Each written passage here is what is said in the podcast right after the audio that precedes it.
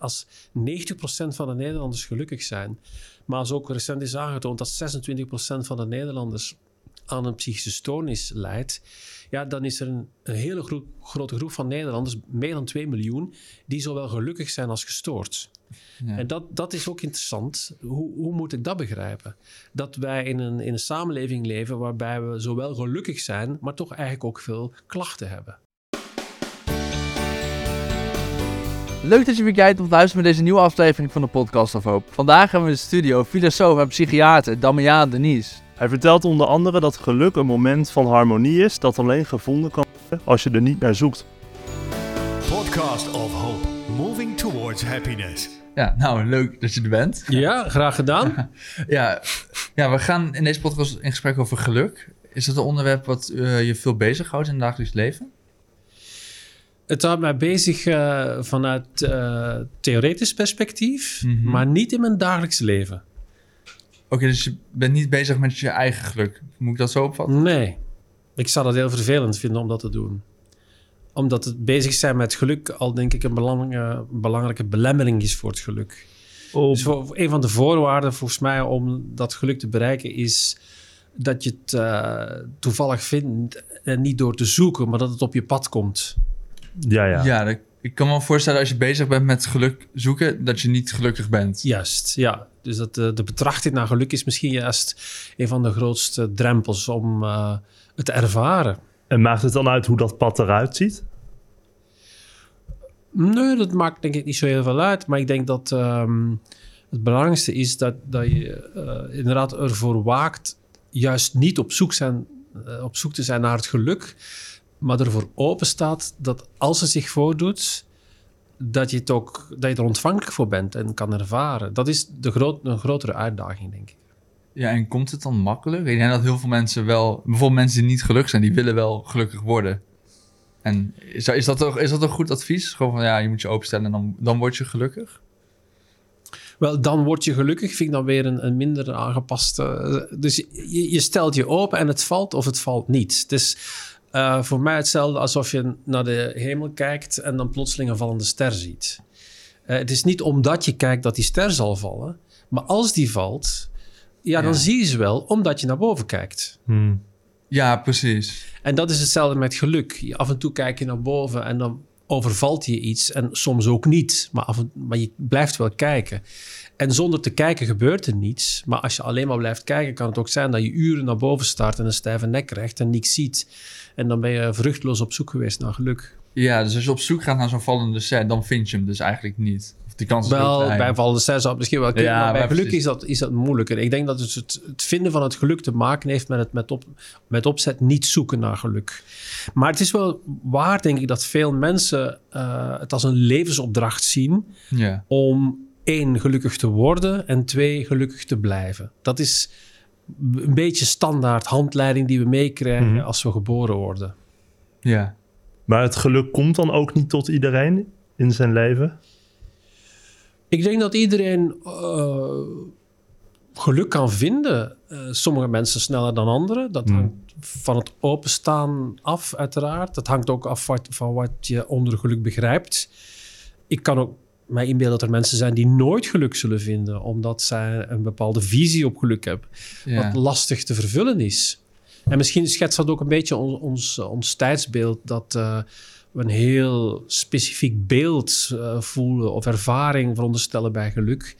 En dat het geluk uh, in kleinere dingen zit. Dus het ontvankelijk voor staan en het ook ja, ergens kunnen vinden waar het misschien toevallig niet zit. Ja. Um, ik, ik, herinner mij dat ik plotseling echt overvallen werd door een, een moment van geluk toen ik uh, op het station zat te wachten in Amsterdam. En dat was, ik zat op een bankje, het was rustig, die trein kwam niet. Ik had uh, mijn oortjes in, ik luisterde naar muziek en ik kwam in een toestand van ja, kortstondige gelukzaligheid. Gewoon omdat ik zat daar goed, het was niet te warm, ja. het was niet te koud. Er waren geen schreeuwende mensen. Ik had blijkbaar geen enkel iets aan mijn hoofd wat, wat mij belemmerde. En ik genoot van de muziek en, en uh, de geur van de treinen en in de afwachting van wat er zou komen. Dat kan ook geluk zijn. Ja, dat is gewoon helemaal in het moment opgaan. In het moment opgaan, ja. Ja. Dus inderdaad, dat is misschien wel... Ja, dus het openstaan voor... Voor, voor mij, als ik het dan echt helemaal specifiek moet definiëren... is eh, geluk dikwijls een ervaring van harmonie. Hmm. Ja. En waar blijkbaar alles... Het is als een puzzel waar alle stukjes eh, samenvallen. Dus de, de, de, de soort van de mentaliteit waar je mee zit. Je valt samen met jezelf. Eh, de, de, de omgeving valt daarmee samen. En, en dat is zeldzaam. Maar als het gebeurt, dan ja, kan je het niet voorspellen. Eh, het kan er zijn en het is ook zo weer weg. Ja, ja, want dat, ik kan me echt voorstellen dat dat momenten zijn die je niet kan opzoeken. Of in ieder geval heel moeilijk. Je kan niet op dat station gaan zitten en ik moet me nu Nee, gelukkig voelen. nee. Nee, nee. gaat niet doelgericht. Nee, het ontsnapt aan de doelgerichtheid. Ja. Ja, ja, niet creëerbaar op die manier. Wel, je kan ook geluk creëren, denk ik. eh, maar dan... dan dus, ja, er zijn natuurlijk verschillende vormen van geluk. Dus wat ik nu beschrijf is, is het momentane geluk wat, wat je overvalt. Maar voor, voor mensen is geluk soms ook inderdaad een warme douche nemen na een koude winterdag of eh, eh, een groot glas wijn drinken. Dat, kan ook, dat is kortstondig behoeftebevrediging, wordt ook vaak gezien als geluk. Ja. Of inderdaad eh, een vakantie na een heel lang eh, druk jaar en aan het strand liggen en niets doen. Dat, daar zijn ook mensen die, die dat heel interessant vinden en dat ook als geluk beschouwen. Bestaat er voor jou naast die momenten ook een soort reflectief geluk? Als in dat ik kan vragen aan jou, ben je gelukkig? En dat je dan ja of nee zegt? Omdat je ja, ik denk het wel. Dat, dat zijn volgens mij ook een beetje de twee eh, be- bekendste of, of belangrijkste vormen van geluk. Je Ja. hebt het momentane geluk. Dat is die onmiddellijke behoeftebevrediging, wat je onmiddellijk overvalt. En dan het reflectieve, langdurige geluk is ja, geluksvervulling in de zin van betekenis geven aan je leven, creatief zijn. Dat, is, dat vergt veel meer tijd. En typisch is het zo, denk ik, als je kijkt naar mensen, dat jongere mensen voornamelijk gefocust zijn op die onmiddellijke behoeftebevrediging. En dat oudere mensen eh, na een bepaalde leeftijd, 45 of misschien 50, plotseling dat, dat kantelt. Hè? Je kan niet blijven glazen bier drinken om gelukkig te worden. Na een tijdje wordt dat saai. En dan, dan kantelt het mee naar het le- reflectieve geluk. Het overbrengen van een boodschap, een betekenis geven, met kinderen bezig zijn. Eh, ja, dat, dat, is een, dat is een hele andere dynamiek.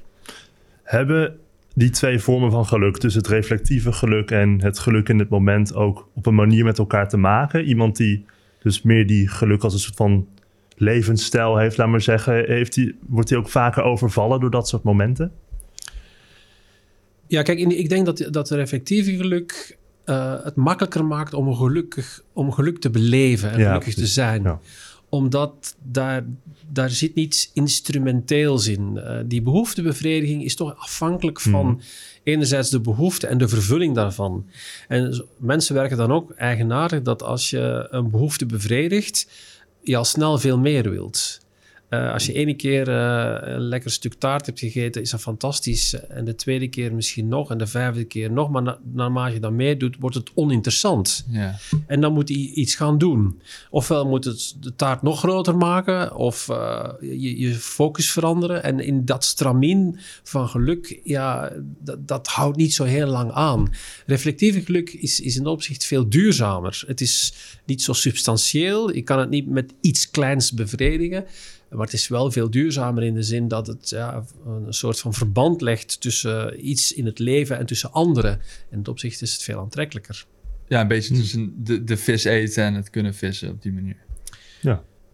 Ja, als je het zo, als je het in, in, in vistermen omschrijft, in eh, die sport, dat zou persoonlijk mijn geluk niet zijn. Maar eh, ik kan me wel voorstellen dat als je van vissen houdt en je zit lang te hengelen, eh, dat dat misschien ook wel een zekere vorm van betekenis geeft. En ik refereerde eigenlijk naar dat soort van gezegde of spreekwoord. Ja, ja, nee, Ja. maar ik begrijp wel. Oké, ja. oké, Ja. ja. En in het begin zei u dus, het houdt u wel bezig op een soort van theoretische manier. Hoe is dat, heeft dat dan te maken met dat, dat, dat je erover filosofeert? Of? Maar ja, het houdt mij eigenlijk bezig op eh, theoretisch op twee manieren. Aan de ene kant, ja, ik, heb- ik heb een achtergrond eh, in de filosofie, maar ook als, eh, in de psychiatrie. Ja. Als je mensen eh, spreekt die eh, ziek zijn, die eh, klachten hebben, symptomen, ja, dat is heel dikwijls, laten we zeggen, het omgekeerde van gelukkig zijn. Ja. En, en dus da- daar zit een soort van tegenstelling of, of, een, of, of iets wat niet werkt, wat niet klopt. Hè. En mensen willen eigenlijk graag gelukkig zijn. Denk je dan, maar het is eigenlijk zelden dat ik iemand ontmoet met een ziekte die zegt van ik wil gelukkig zijn. Wat mij opvalt is heel veel mensen die echt psychisch ziek zijn, dat die maar één ding willen en dat is ik wil normaal zijn. Hmm. En normaal zijn betekent ook in staat zijn het ongeluk te beleven. Dus dat fascineert mij. Hoe kijken wij naar geluk? Wat betekent dat voor mensen die psychisch ziek zijn? Hoe kijken zij naar geluk? Dus dat is één facet. En het andere is meer vanuit het filosofische. Wat is dat eigenlijk, dat geluk? Eh, is het een beleving? Is het een ervaring? Is het in een gedachte? Is het een inzicht? Is het een begrip? Is het een, een fase in je leven? Eh, hoe kijken mensen doorheen de, doorheen de eeuwen naar geluk? Hoe kijken culturele verschillende eh, groeperingen naar geluk? Hoe wordt Ja. dat ingevuld? Eh, ja. Maar voor zo iemand met een mentale ziekte die dan zegt: Ik wil normaal zijn, is dat niet dan omdat normaal vanuit hun situatie dichter bij geluk is dan dat ze waren? Ja, absoluut. Ik, zeker. Dat, dat normale, dat, dat eh, is, wordt voor hen iets onbereikbaar. Maar het is niet dat ze zeggen, ik wil gelukkig zijn. Nee.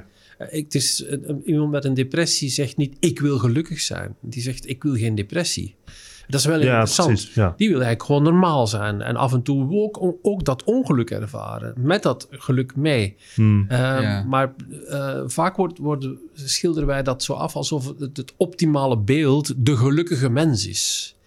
En de vraag is überhaupt of dat bestaat. Ik, ik vraag me soms af of dat ideaalbeeld van de gelukkige mens niets anders is dan een, een constructie van een consumptiemaatschappij die ons voortdurend beelden geeft van gelukkige mensen die in principe ten eerste niet bestaan en ten tweede volkomen oninteressant zijn.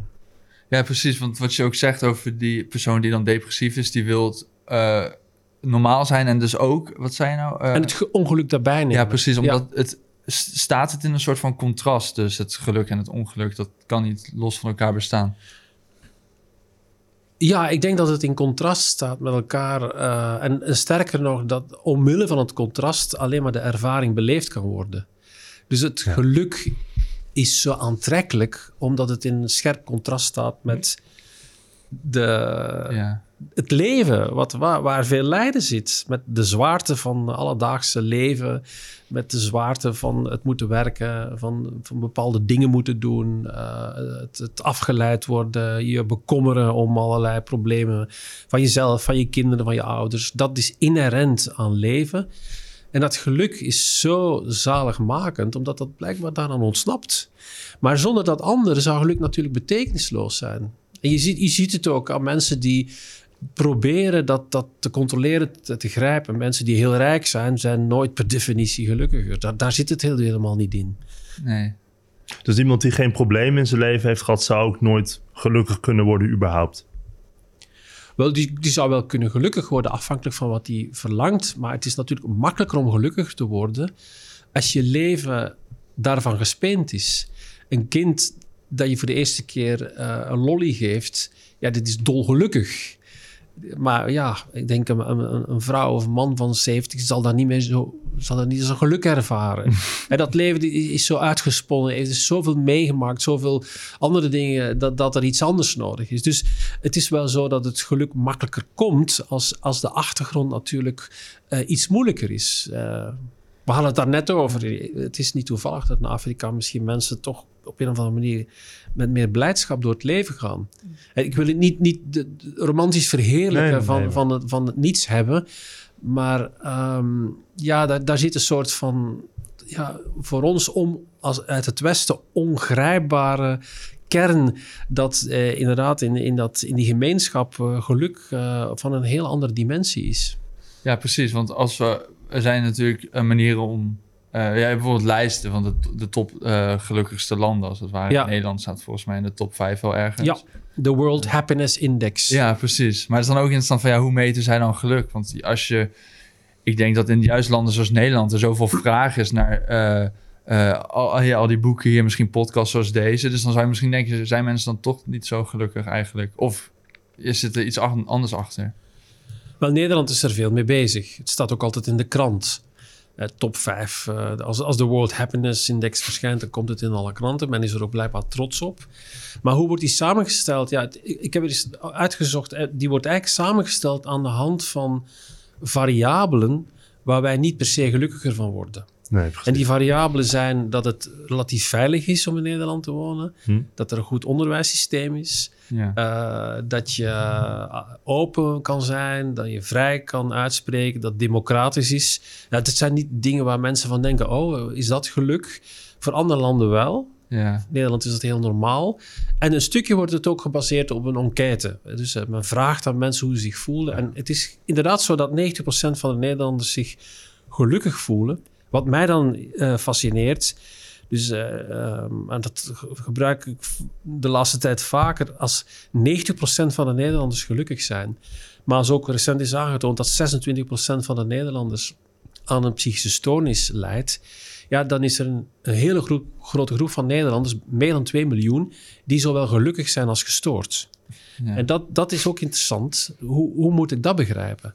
Dat wij in een, in een samenleving leven waarbij we zowel gelukkig zijn, maar toch eigenlijk ook veel klachten hebben. Ja, Ja, want het geluk van die World Happiness Index wordt dan misschien wel aan hele verkeerde variabelen gekoppeld. Verkeer, wel verkeerd. Ik, ik denk dat het heel belangrijke variabelen zijn, omdat ze de voorwaarden scheppen om gelukkig te zijn. En gelukkig zijn betekent ook de mogelijkheid bezitten om te kunnen reflecteren over jezelf. Hè. Gespeend zijn van dagdagelijkse problemen.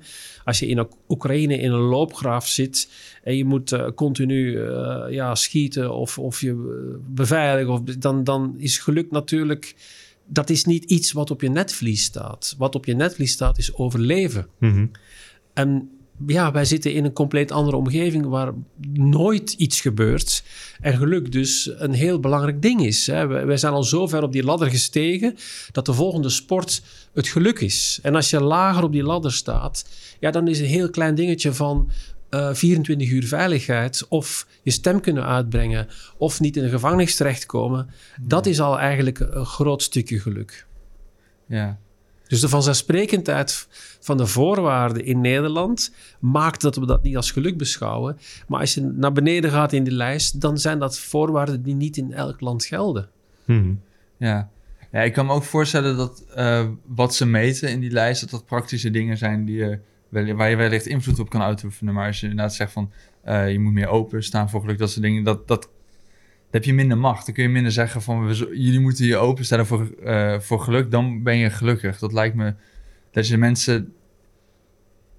Ja, ja, als je denkt aan bijvoorbeeld ontwikkelingshulp of zo, zou je daar niet zoveel aan kunnen doen. Ja, plus die dingen zijn gekozen juist omdat ze meetbaar zijn, denk ik. Ja, precies. Maar ja, Het is van een verschillende orde. De ene zijn denk ik de, de, de minimale basale voorwaarden op dat een mens het geluk kan beleven. En die zijn heel praktisch van aard. Voeding, veiligheid, onderwijs, democratie, vrijheid, onafhankelijkheid. En het andere is de beleving van geluk. De emotionele ervaring van gelukkig zijn. ja. En de, eh, de, het ene is geen garantie voor het andere. Maar het helpt wel natuurlijk als die andere voorwaarden vervuld zijn om dan eh, geluk te ervaren. Het, en het gekke is, in Nederland lijkt dat dat dan niet zo is. Want al die voorwaarden zijn vervuld. En toch worden wij niet per definitie veel gelukkiger. Ja. En waar zit dat hem dan in? Ja, dat zit misschien in het feit dat, dat ons ideaalbeeld van de, vind ik dan de individuele autonome persoon die zichzelf verwerkelijkt, dat dat zo extreem geworden is dat we vaak geconfronteerd worden met eh, het feit dat we daarin falen om dat te bereiken. En dat het grote succes wat ons wordt voorgespiegeld eh, in social media, de maakbaarheid, dus je kan alles worden als je maar je best doet. Iedereen kan op televisie komen, iedereen kan beroemd worden, iedereen kan rijk worden, je kan studeren wat je maar wil. Er zijn eigenlijk geen grenzen. Hè? Er is niets, niets is onmogelijk in onze wereld. Dat is dus natuurlijk lastig, want dat is wel zo. We worden voor een groot stuk bepaald genetisch door de omgeving. Dus er zijn heel veel beperkingen, maar die willen we niet zien omdat dat niet past in ons wereldbeeld. Dat is één ding. En het tweede is het zo dat ja, die, dat, die, dat ideaalbeeld legt een enorme verantwoordelijkheid op ons. Je moet het zelf doen. In een geïndividualiseerde wereld ben je alleen verantwoordelijk voor dat geluk en dat succes. In ja, collectievere gemeenschappen, dan ben je als gemeenschap verantwoordelijk voor het geluk van iedereen. En het voordeel daarvan is dat het je persoonlijk ontheft van de verantwoordelijkheid om gelukkig te worden. Het is ook de ander zijn of haar taak om jou geluk te geven. En ook mijn taak om een ander geluk te geven. Dus ja, daar maak je de verantwoordelijkheid en het geluk deelachtig aan een gemeenschappelijke beleving. Terwijl wij dat alleen maar afmeten aan onze eigen persoonlijke, individuele beleving. Maar Ja. ik, ik zou me ook goed kunnen voorstellen dat dat idee dat jouw geluk alleen maar maakbaar is door jou ook hoopgevend is. Als in, het is niet afhankelijk van mijn externe factoren. Ik, als ik gewoon goed mijn best doe, dan zou ik dat zelf kunnen creëren. Als in, wil ik? Ja, de- de- deels is het hoopgevend omdat het ehm, je, ja, het idee verschaft van eh, als je maar. Het hangt ook een stukje van jezelf af. Hè? Dus dat, Ja. dat is het, de, de, de goeddoening van je autonomie. Maar aan de andere kant lijkt het zo extreem geworden te zijn dat het, dat het minder hoopgevend is, maar heel belastend. ja. En hoe verklaar je dat, dat meisjes eh, van 17 die laatste jaar gymnasium VWO zitten, een burn-out krijgen? Alvorens het aan het leven beginnen, alleen maar omdat ze een bepaalde studiekeuze moeten maken. En dat al zo eh, opdringerig en, en bezwarend vinden dat ze eronder uitgaan. Ja. ja, ik zou niet weten waar dat door komt, nee. Ja, die, vrijheid heeft als het ware een soort van keerzijde. Aan de ene kant Ja. heel Ja, de, de vrijheid van een keer zijn. Dus uh, wij, wij hebben eigenlijk hard gevochten voor die vrijheid. We hebben waarschijnlijk de meeste ultieme vorm van vrijheid bereikt sinds de jaren 60 hier. Maar we hebben ons nooit gerealiseerd dat die vrijheid gepaard gaat met enorme verantwoordelijkheid. En daar, daar deinzen we dan eigenlijk voor terug. Die willen we niet nemen. Mhm. En is dit dan een verantwoordelijkheid die we nu gewoon moeten nemen? Of zouden we misschien een stap terug moeten nemen? Ik zou voorstellen dat we een stap terugnemen en inderdaad iets meer op zoek gaan naar uh, geluk in collectieve zin. Het is ook zo, ook zelfs in de beleving, hè, dat, wil ik nog even benadrukken. Er is eigenlijk niks, maar absoluut niets interessant aan geluk als je het alleen individueel beleeft. Hmm. Het geluk is alleen maar plezierig als je het aan een ander kan meedelen. Hmm. Als je kan zeggen, goh, moet je nu weten, ik heb een marathon gelopen, dat is fantastisch. Of ik heb mijn zwemdiploma gehaald. Dus uh, geluk is voor een groot stuk afhankelijk van de mate waarin je in staat bent met een ander te delen. Ja. En dat is ook een ander facet waarom dat heel moeilijk is. Wij leven in een geïndividualiseerde samenleving. Eenzaamheid is een groot probleem. Heel veel mensen hebben eigenlijk niet zoveel veel meer betekenisvolle contacten. Dus ook al beleef je iets gelukkig, ja, dan, dan blijf je een beetje binnen in je eigen kokon zitten. Mm. En kan je daar niet ten volle van genieten, omdat de mindeelzaamheid uh, niet zo heel groot. Iedereen komt met zijn eigen geluk. Uh, dan zeg je, oh, ik heb een zwemdiploma. En dan zegt de ander, ja, maar ik ben gaan zwemmen in Zuid-Afrika. Oh, ik heb een auto gekocht. Ja, ik heb een elektrische auto gekocht. Ah, dat, dus iedereen biedt op met zijn persoonlijke geluk, maar luistert niet naar wat de ander aan geluk heeft. En is daar ook niet heel deel, deelachtig aan. Ja, het is ook wel grappig dat je zegt dat we minder uh, betekenisloze contacten hebben. Terwijl je hebt aan de ene kant het gevoel dat je met iedereen in contact staat met social media. Ja, maar, ja. Dus, maar betekenisloos. Ja. ja. We hebben duizenden vrienden gemiddeld. Maar betekenisvol contact, ja, gemiddeld hebben mensen zes, zeven betekenisvolle contacten. Dat halen we zelfs niet. Hè. Dat, eenzaamheid wordt gedefinieerd als minder dan vier betekenisvolle contacten. Dus ja, dat is heel weinig. En betekenisvol is echt zwaarwegend. Hè. Dus dat is anders dan een keer iemand kennen via Facebook. Maar veel mensen hebben er minder dan vier. Wel, niet veel mensen. Uh, maar een van, de, een van de definities voor de sociale vorm van eenzaamheid. Hmm. Wat je hebt verschillende vormen. Je hebt uh, emotionele of existentiële vorm. En de sociale vorm heeft te maken met betekenisvolle contacten. Uh, dat wordt gedefinieerd als minder dan vier tot vijf betekenisvolle contacten. Ja.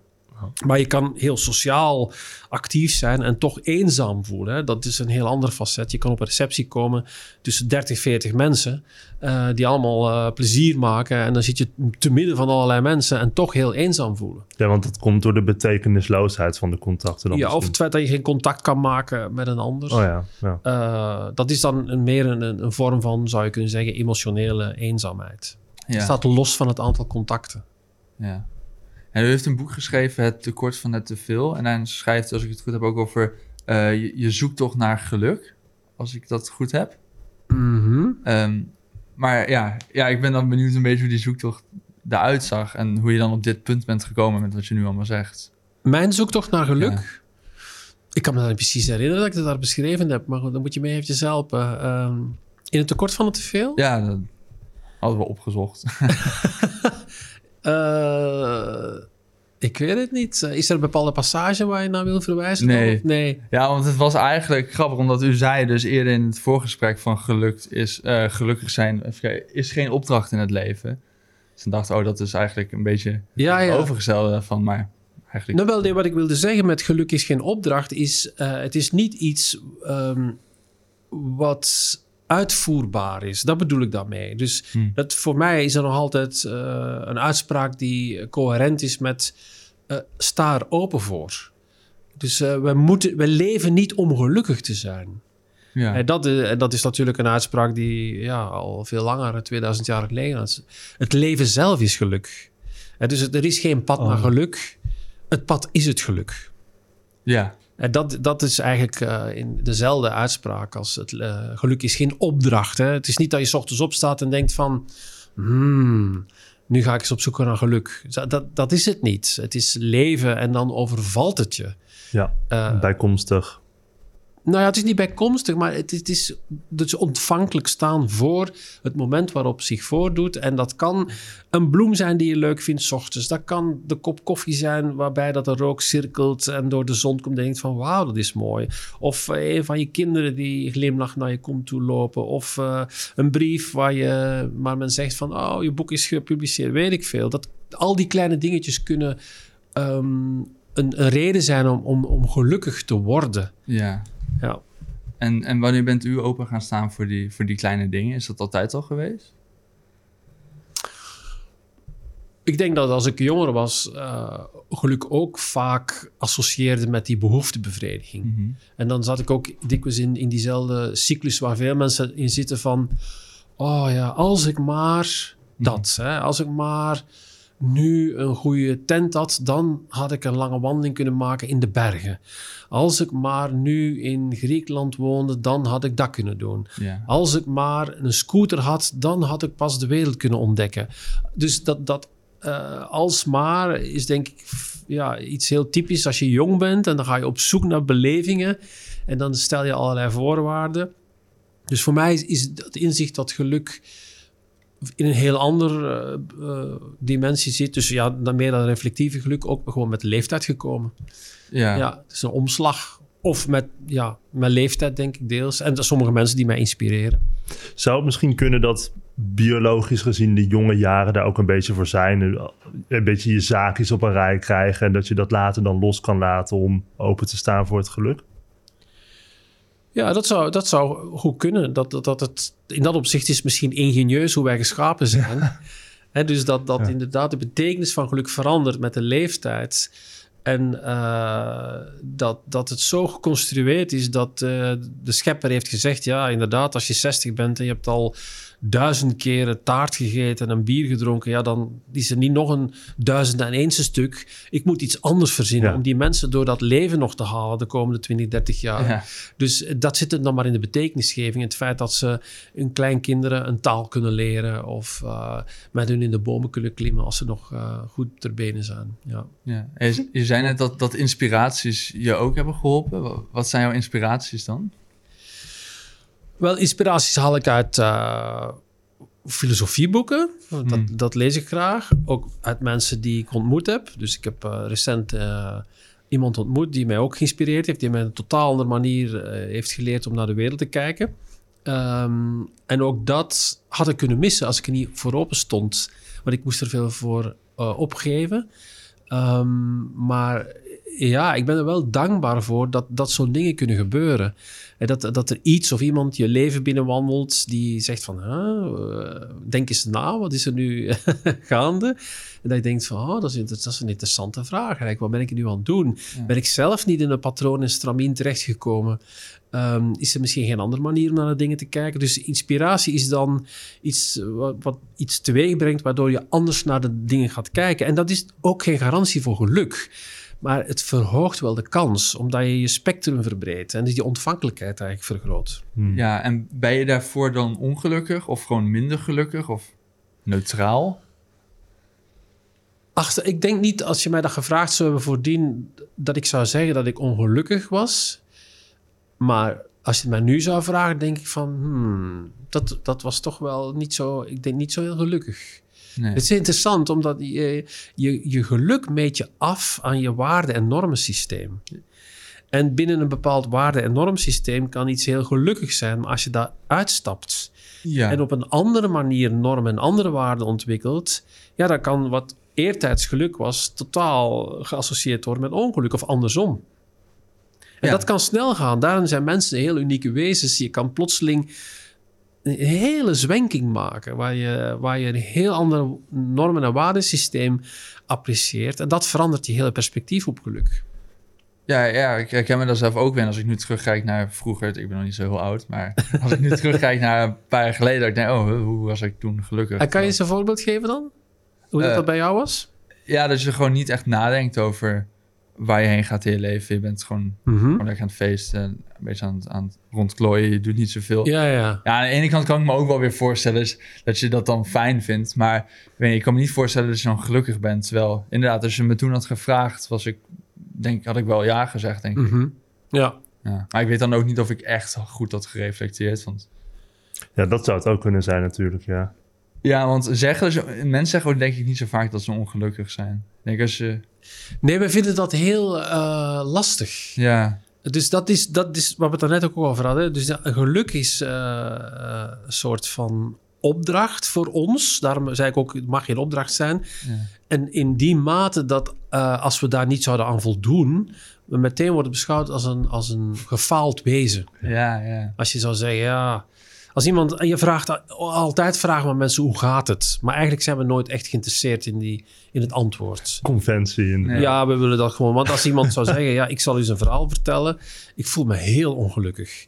Ja, dan, dan gaan we terugdeinzen en voelen we ons bedreigd. Dan gaan we zeggen, ja, maar dat wil ik nu ook niet horen. Laat me Dan rust. word ik ook ongelukkig. Ja, dus, dat, dus we zijn niet zo... Ja, behalve misschien sommige professionelen... zijn we niet zo geïnteresseerd in het ongeluk van de ander. Nee, en ik denk misschien ook, ik weet niet, dat gaan we zo meteen ook aan jou vragen. Maar we vragen altijd onze gasten een cijfer te geven aan, aan hun leven. Eh, omdat het een beetje met onze missie te maken heeft. Maar ik heb ook het gevoel dat mensen dan misschien, omdat we het zo goed hebben in Nederland, zich een beetje bezwaard voelen om Ja. het een laag cijfer Ja. te geven. Eh, zo van, misschien Ja, ja, ja. ja, is ja. je leven onvoldoende, maar dan denk ik van ja, maar Ja. ik voel me ook wel een beetje schuldig als ik dat zeg, omdat we het zo goed hebben hier. Dus waarom zou ik een onvoldoende moeten hebben? Ja, ik denk dat mensen zich schuldig voelen. Eh, Waarschijnlijk naar, naar hun ouders en naar hun familie. Dat ze het niet kunnen maken om te zeggen van... eh, ik voel me ongelukkig. Hm, ja. Omdat er dan ook iets mis is met je. Ja, je hebt, niet alleen ben je gefaald, maar dan moet er iets gebeuren. Het moet gerepareerd worden. Wij vinden het, eh, het ook vervelend om- om te accepteren dat we ongelukkig zijn. Het past niet. Terwijl ongelukkig zijn ook een fase in je leven kan zijn. Hè. Soms kan het ja, twee, drie jaar duren. En, dan kan je wel weer een geluk vinden. Dus dat, dat is, het, soms duurt het lang. Dus het, het durven verdragen van ongeluk hoort ook bij die voorwaarden om gelukkig te zijn, denk ik. ja. Ja, plus ik denk ook dat het nodig is om toe te geven dat je ongelukkig bent voordat je weer gelukkig kan worden. Want anders Ja. blijft het een beetje Ja. wegstoppen, denk ik. Op Ja. manier. Ja. Ja, doen alsof, eh, dat, dat helpt niet bij geluk. Dat is wel interessant, vind ik. Er zijn, je kan als mens heel veel verstoppen. Je kan heel veel emoties verstoppen. Je kan allerlei dingen doen. Maar als het gaat om geluk, dan werkt dat niet. Hè. De- de- de- het is, eh, of, ofwel is het authentiek, ofwel is het inauthentiek. ja. Je kan het niet feinzen. Je kan wel doen alsof, maar als het echt om de beleving gaat, dan, dan is dat lastig. Ja. Ja, ja. Ja, en stel, hè, ik ben ongelukkig. Moet ik dan praten met, met, met jou als filosoof? Of met jou als psych- eh, psychiater? of met jou als psycholoog? Ja, ik weet niet. Dat is een interessante vraag. Ehm, ik zou... Ja... Kijk, als je ongelukkig bent en, en je zit... Maar dat is natuurlijk een beetje een, een flauw antwoord. En je zit binnen het spectrum van de normaliteit... Ja, dan moet je absoluut met een filosoof praten en niet met een psychiater.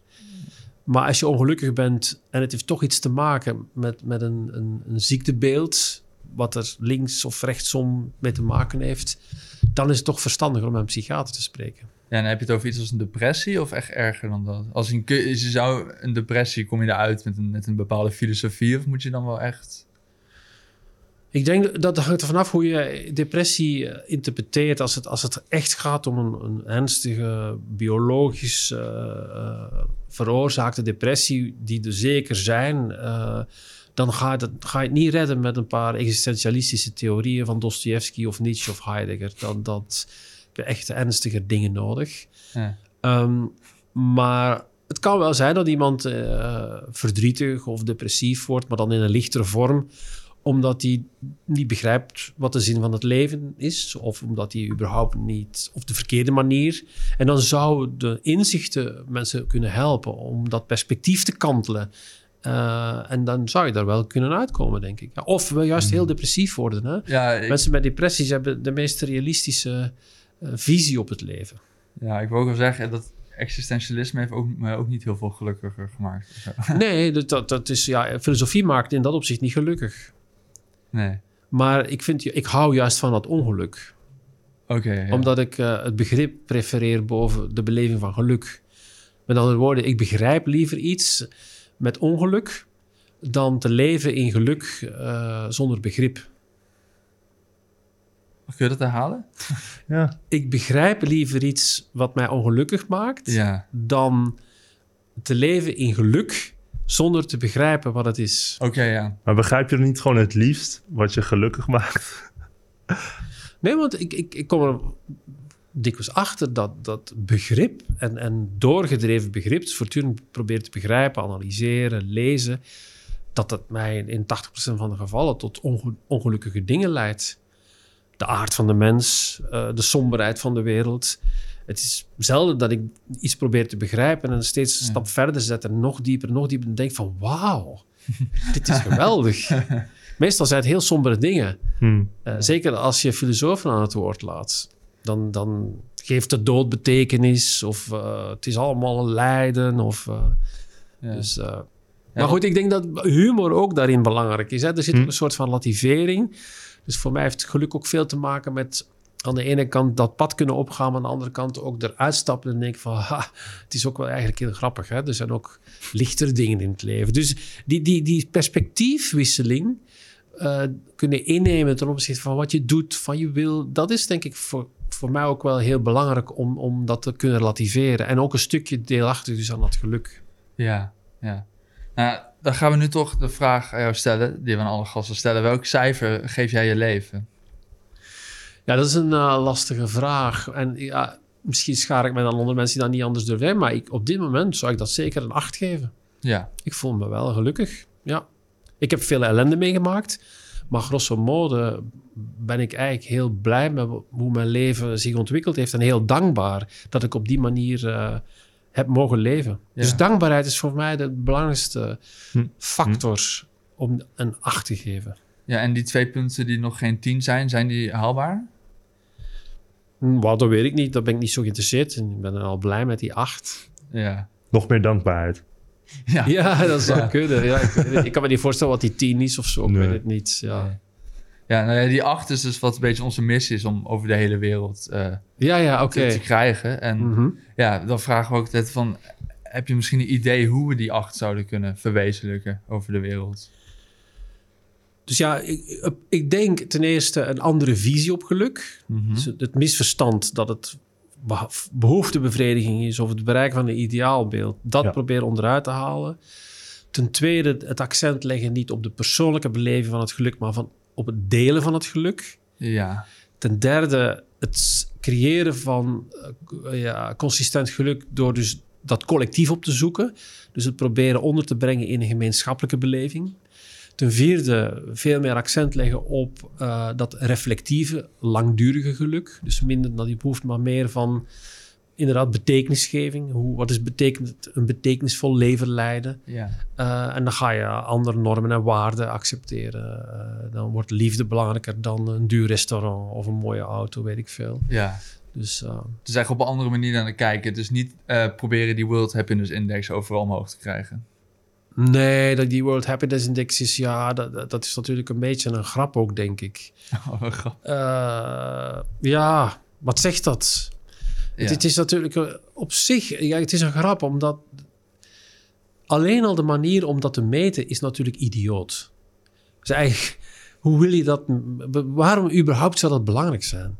Ja. En geluk zit ook niet in het meten ervan, maar gewoon in het feit dat het er is. Ja. En uh, het gaat er ook om niet dat we landen gaan vergelijken, Want dat was, waar slaat dat op?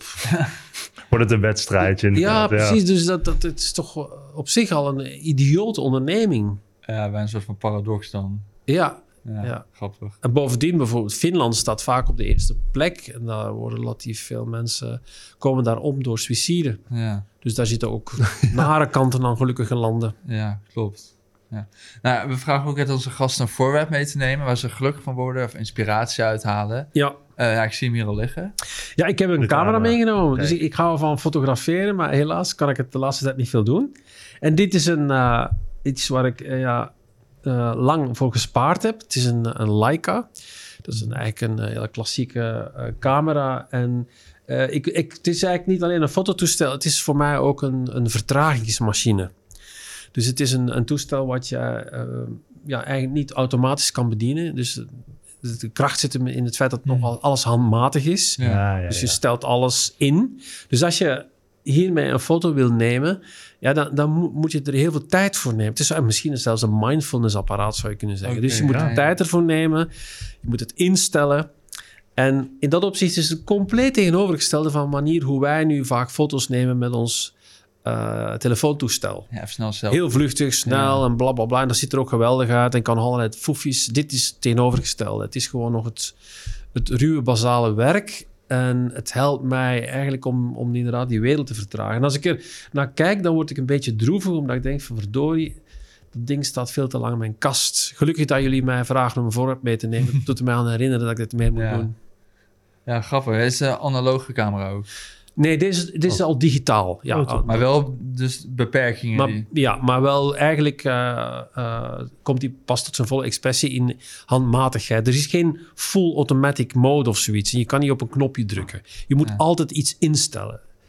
Ja, Dat is wel grappig, dat juist eh, toevoegen van die beperkingen het een leukere ervaring maakt. ja, Ja, absoluut. ja, Ja, ja. ja, ja. Ja, ik- Maakt het ook een beetje vakmanschap, inderdaad. ja. En vertraging. Ja. Dus wat ben je nou aan het kijken? Wat wil je nemen? Hoe wil je dat doen? Eh, en ja, dat is anders dan op een knop drukken, eh, waarbij 85.000 variabelen optimaal zijn ingesteld door het toestel. ja. Ja. En het mooie is nog, het resultaat van die camera is de ultieme vertraging, een foto. Dat is gewoon helemaal stil. Ja, dat is stilstand. Ja. ja dat is waar, ja. Plus het, ook het feit dat het soms niet goed gaat. Ja, ook dat. Dus proberen ook, hè. Dus, dus accepteren van het feit dat het eh, faalt. Terwijl als alles automatisch is, ja, dan is het, al- ziet het er altijd goed uit. ja ik, ik ben zelf ook heel erg fan van muziek luisteren op vinyl. En dat begint tegenwoordig ook steeds een groter Oh ja, iets te oké. worden. Ja. Maar daar heb je denk ik ook een beetje datzelfde. Die beperking van heel makkelijk een nummer aanzetten op Spotify, dat is eigenlijk wat minder...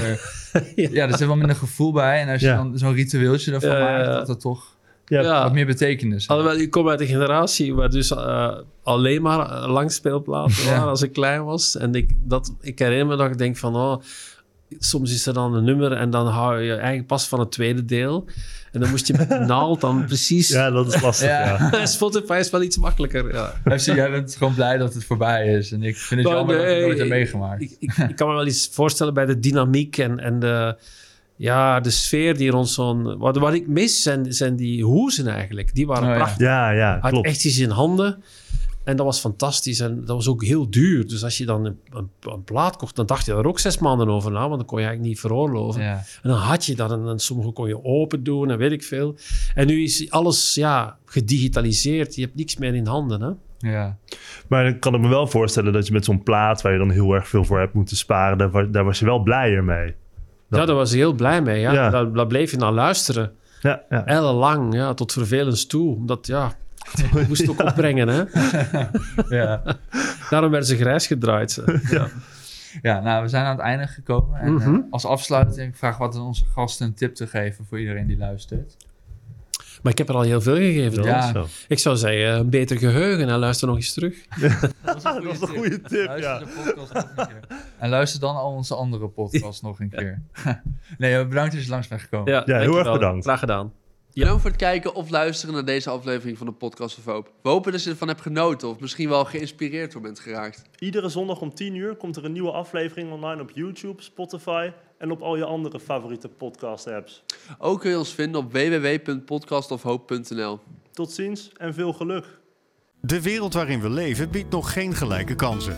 Voldoende eten en drinken. Een adequate opleiding. Goede gezondheidszorg. Vrede en geluk is niet voor iedereen weggelegd. Maar stap voor stap wordt het beter en zijn we op weg naar een octopische samenleving waarin iedereen zijn of haar leven als goed kan beschouwen. Het is een lange reis, maar we zijn op weg. Podcast of Hope. Moving towards happiness.